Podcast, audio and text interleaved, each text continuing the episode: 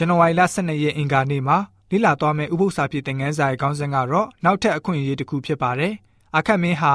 ဟေရှာယရဲ့ယုံကြည်ခြင်းရှိဖို့တတိပေးချက်ကိုတုံ့ပြန်မှုမပြုပါဘူး။ဒါကြောင့်ဖျားသခင်ဟာအခက်မင်းကိုကရုဏာတော်ထားပြီးတော့အခြားသောအခွင့်အရေးတစ်ခုကိုထပ်မံပေးခဲ့ပါတယ်။နမိတ်လက္ခဏာတစ်ခုကိုထထဖျားကိုတောင်းဖို့ဖြစ်ပါတယ်။နက်တဲ့အရက်ဖြစ်စေမြင့်တဲ့အထက်ရက်ဖြစ်စေ ယုံကြည်ခြင်းအကြောင်းနဲ့ဆိုင်ပြီးတော့ကြီးမားတဲ့ဖိတ်ခေါ်တော်မူခြင်းကိုလူသားတွေကိုဖျားရှင်အခွင့်အရေးပေးလေးရှိပါတယ်။ထီထိုးခြင်းနဲ့ကန်ဆန်းတဲ့ပုံမျိုးနဲ့မတူပါဘူး။ဖျားရှင်ဟာအဲ့လိုမျိုးပြုတော်မမူပါဘူး။ဖျားရှင်ဟာမိမိအလိုတိုင်းလိုက်လျှောက်မယ်ဆိုရင်နိုင်ငံတော်ထက်ဝက်ပေးမယ်လို့လည်းပဲဂရိမျိုးမပေးပါဘူး။လူသားအုပ်စိုးတဲ့သူတွေဟာတတ်မှတ်တဲ့ဆန္ဒပြေဝမယ်ဆိုရင်ဘလောက်ပေးမယ်ဆိုတဲ့အကျင့်ဓလေ့တွေရှိကြပါတယ်။ဆိုးတဲ့မင်းဟာယုံကြည်မယ်ဆိုရင်ဖျားရှင်အနေနဲ့ လူသမျှကိုပေးဖို့အစဉ်သင့်ရှိနေပါတယ်။အာခတ်မင်းဟာနမိတ်လက္ခဏာအဖြစ်တောင်းဆိုတဲ့တောင်းဆိုနိုင်တဲ့အရာ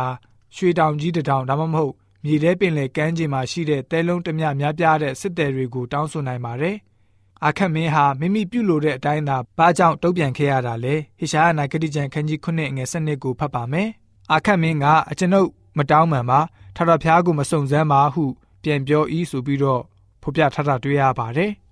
လက်တလောကြည့်မယ်ဆိုရင်တော့အခက်မင်းဟာအေးဆေးစွာပဲပြန်လည်ဖြေချတဲ့အကြောင်းတွေ့ရပါတယ်။ဣတိလလူမျိုးဟာနှစ်ပေါင်းရာစုများစွာရှိခဲ့ပြီဖြစ်ပါတယ်။တောမှာလှည့်လည်သွားတဲ့အခါမှာ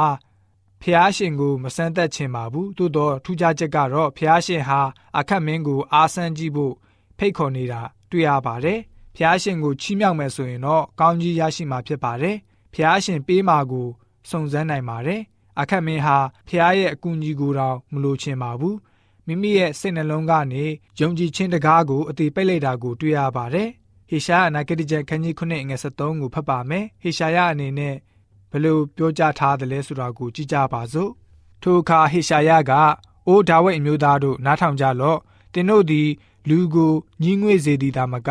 ငါကိုးကွယ်သောဖျားသခင်ကိုညီးငွေ့စေကြမည်လောဆိုပြီးတော့ဖြေကြားခဲ့တာတွေ့ရပါတယ် ဖျားရှင်ကိုစမ်းသပ်ဖို့ညှင်းပယ်တဲ့အတွက်ဟေရှာယရဲ့စကားမှာအခက်မင်းဟာဖျားသခင်ကိုအာမကိုတဲ့အကြောင်းထင်ရှားနေပြီဖြစ်ပါတယ်။ဟေရှာယနာဂတိကျမ်းခန်းကြီး9ငွေ7မှာအကျွန်ုပ်ဤဖျားဆိုတဲ့ခေါ်ဆိုလိုက်တဲ့အချိန်နဲ့အခက်မင်းကိုနမိတ်လက္ခဏာတောင်းစေတဲ့အချိန်မှာတင်းရဲ့ဖျားသခင်ဆိုတဲ့ခေါ်ဆိုမှုဟာတိတာကွဲပြားသွားပါတော့တယ်။အခက်မင်းဟာဖျားရှင်ပေးမဲ့ကောင်းကြီးကိုညှင်းပယ်တဲ့အခါမှာဖျားသခင်ကိုမိမိရဲ့ကိုယ်ကိုယ်ရာအဖြစ်ညှင်းပယ်လိုက်ခြင်းဖြစ်ပါတယ်။ ဖျားသခင်ဟာဟေရှာယရဲ့ဖျားသာဖြစ်ပါတော့တယ်သူ့ရဲ့ဖျားမဟုတ်တော့ပါဘူးသူနဲ့လည်းမဆိုင်တော့ပါဘူးဒီတကြောင့်ဖျားရှင်ဟာဆိုလို့ရှိရင်ကျွန်တော်တို့လူသားတွေကိုကယ်တင်ခြင်းပေးဖို့အလိုရှိပါတယ်ဒါပေမဲ့လူသားတွေရဲ့မိုက်တဲ့နှလုံးခိုင်ခန့်တဲ့စိတ်ဟာဆိုရင်ဖျားရှင်စီကိုစက္ကန့်အနံ့ခြင်းမရှိတာကိုတွေ့ရပါတယ်ဖျားရှင်ဟာဆိုလို့ရှိရင်အခက်မင်းကိုနမိတ်တောင်းမှုအခွင့်ပေးခဲ့ပါတယ်ဒါပေမဲ့လည်းအခက်မင်းဟာဆိုလို့ရှိရင်ဖျားရှင်ကိုညှင်းပယ်ခဲ့ပါတယ် ကျွန်တော်တို့ယုံကြည်သူများအနေနဲ့မိမိတို့ရဲ့ဘဝတက်တာမှာအခက်အခဲတွေပြဿနာတွေရင်ဆိုင်လာတဲ့အခါမှာဖျားရှင်ကိုအကူအညီတောင်းမှုဖြစ်ပါတယ်။ဖျားရှင်ကလည်းပဲကျွန်တော်တို့ရဲ့အခက်အခဲတွေပြဿနာတွေကိုကူညီဖြေရှင်းပေးဖို့အစဉ်သင့်ရှိနေပါတယ်။ဒါပေမဲ့ခုနကအခက်မင်းလိုပဲဖျားရှင်ကိုညှင်းပယ်လိုက်ပြီးတော့မိမိကိုယ်ကိုပဲအားကိုးမယ်ဆိုလို့ရှိရင်တော့ဆုံးရှုံးခြင်းကိုပဲရရှိမှာပဲဖြစ်ပါတယ်။ကျွန်တော်တို့ယုံကြည်သူများအနေနဲ့ဖျားရှင်ကို